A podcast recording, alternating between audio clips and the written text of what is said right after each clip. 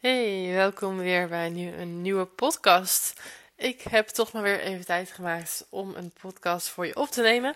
Ik heb een vrij drukke week, een vrij korte week, omdat we nog een paar nachtjes weggaan. En um, ja, ik heb een vrij drukke week, omdat volgende week de masterclass zichtbaar meer verkopen uh, is. Ik ga maandagmorgen live geven.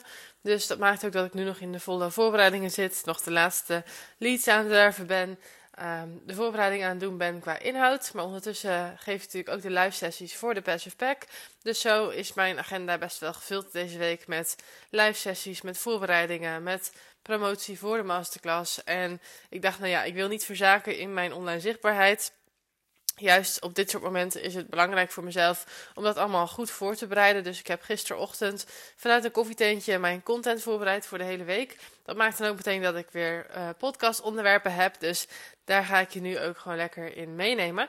En het eerste onderwerp waar ik je wil meenemen is eigenlijk het schrijven van aantrekkelijke content. Want ik krijg vrij regelmatig berichtjes van mensen met: Oh, wat schrijf jij toch rake teksten? Hoe doe je dat toch iedere keer? Uh, hoe kan het dat ik zo aanga op jouw teksten? Um, hoe kan het dat ik uh, alles wil volgen wat jij online zet? Uh, nou, allemaal van dat soort berichten, zeg maar. En niet dat ik dat nou dagelijks krijg of dat mensen me daar helemaal mee volspammen. Maar ik krijg wel af en toe zo'n reactie. En als één iemand dat tegen je zegt, dan zijn er altijd meer mensen die dat uh, denken of uh, vinden.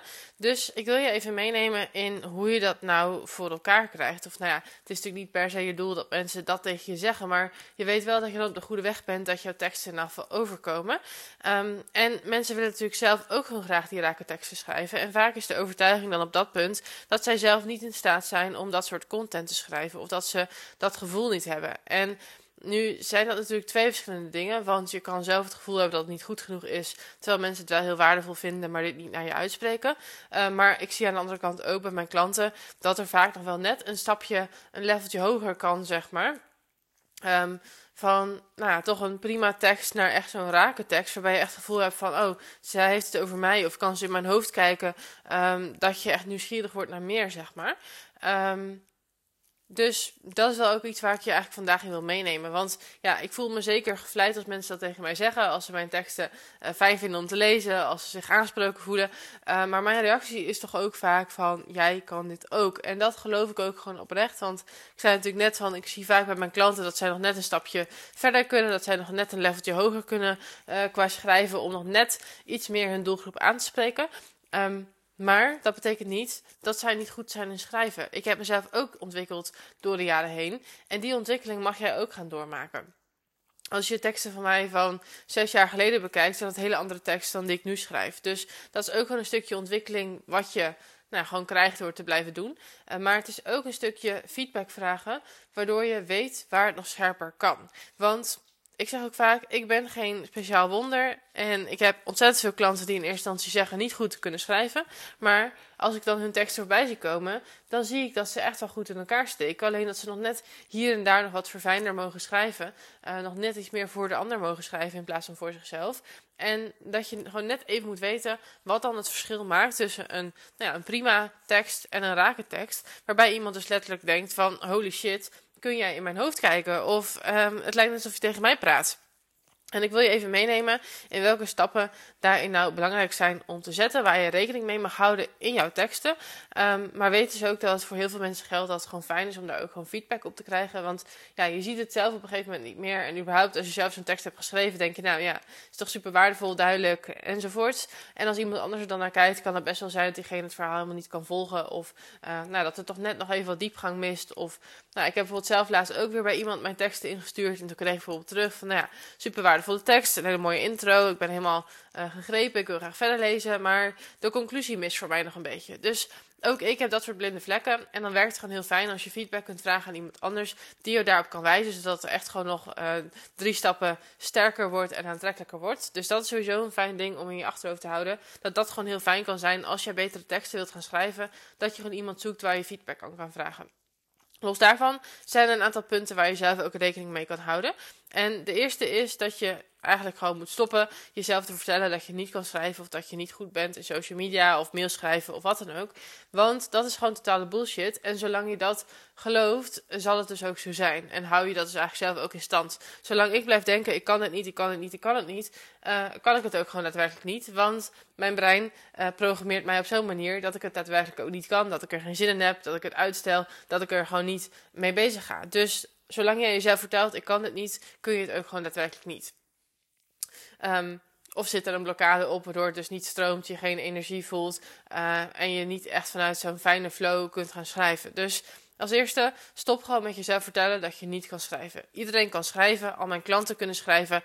En ik heb gewoon zoveel mensen gezien die zeggen: Ik kan niet schrijven, die wel gewoon kunnen schrijven. Dus stop met jezelf dat te vertellen.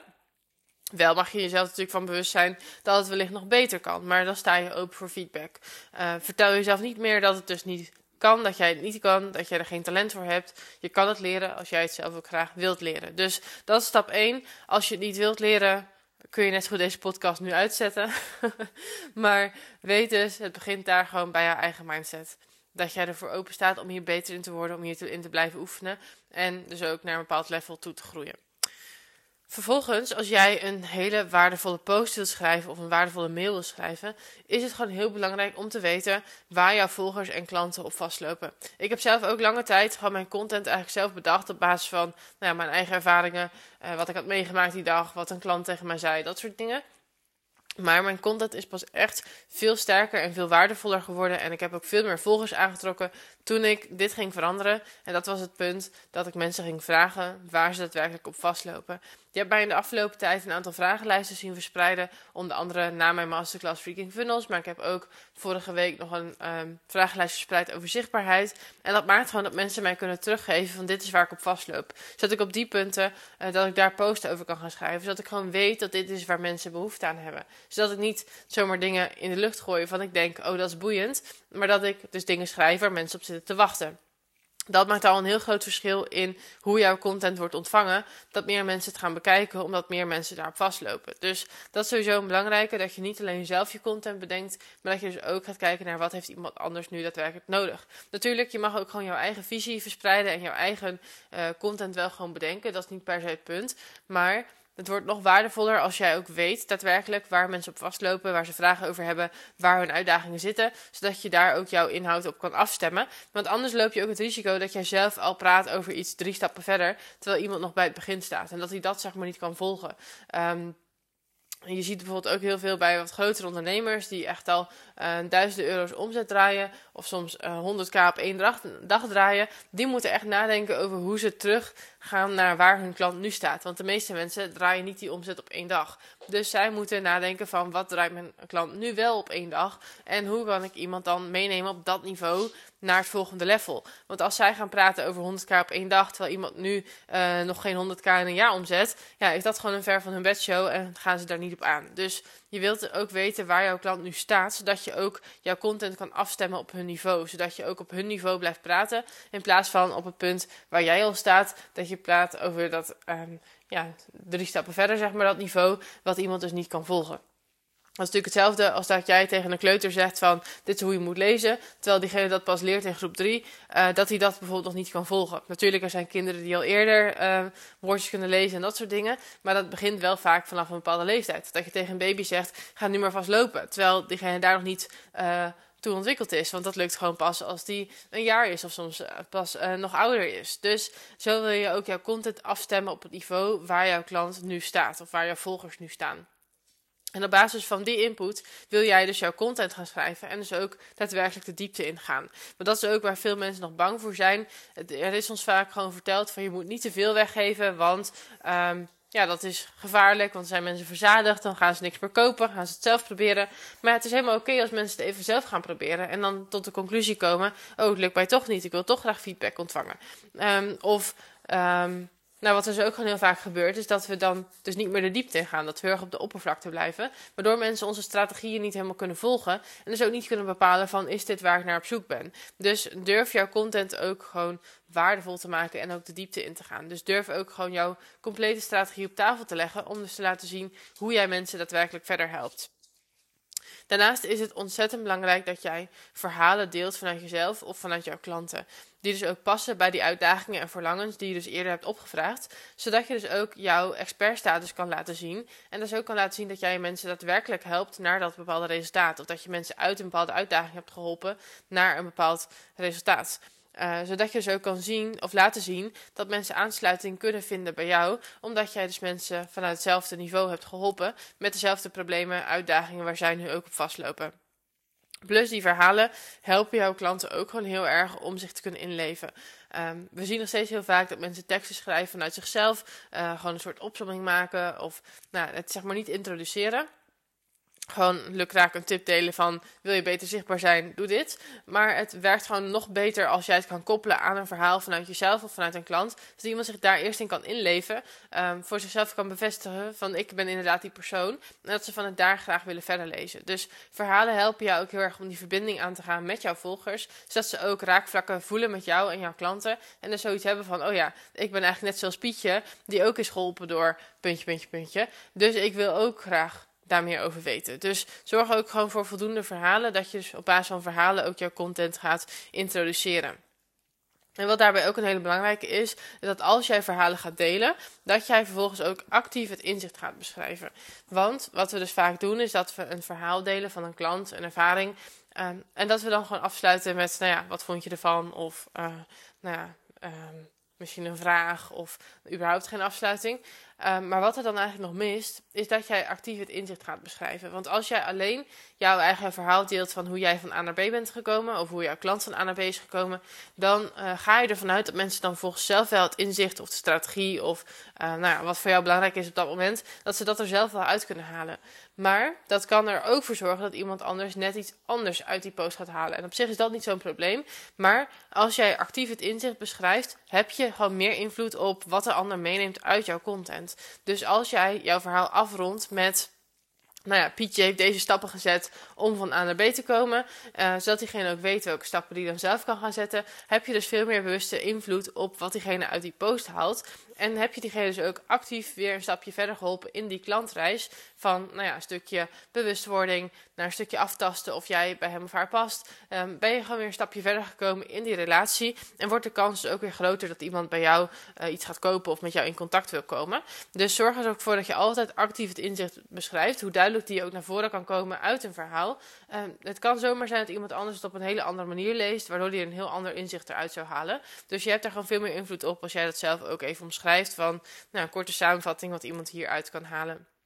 En als laatste nog een hele belangrijke, wat dus ook heel veel mensen vergeten, is dat ze afsluiten met een aanzet tot actie. En dat wil niet per se zeggen dat je iedere post maar moet eindigen met een super waardevolle tip. Het kan ook juist een vraag zijn waar iemand even over na kan denken. Want ook dat zorgt weer voor bepaalde inzichten en verbinding. En nou ja, weer een stapje verder in die klantreis. Maar zorg er altijd even dat je je post ook afsluit met een aanzet tot actie. Van wat moet iemand nou vervolgens gaan doen? Stel, ik wil dus die masterclass promoten voor aanstaande maandag. Dan sluit ik mijn post dus af van wil je meer weten over dit onderwerp? Meld je dan aan voor de masterclass. Maar je kan dus ook uh, afsluiten met uh, download mijn e-book. Of uh, denk eens na over deze vraag. Of ga eens aan de slag met deze eerste stap. Zodat je iemand ook helpt om in actie te komen.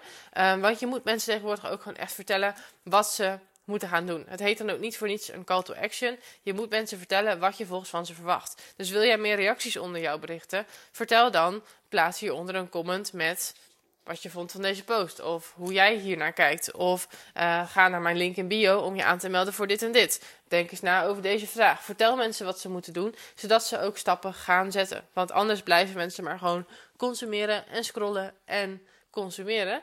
En uiteindelijk komt vanuit de actie natuurlijk pas echt het resultaat. Dus je wil mensen ook gewoon aanzetten tot een actie. En daarmee er ook voor zorgen dat ze dus uh, actie gaan ondernemen naar hun gewenste resultaat.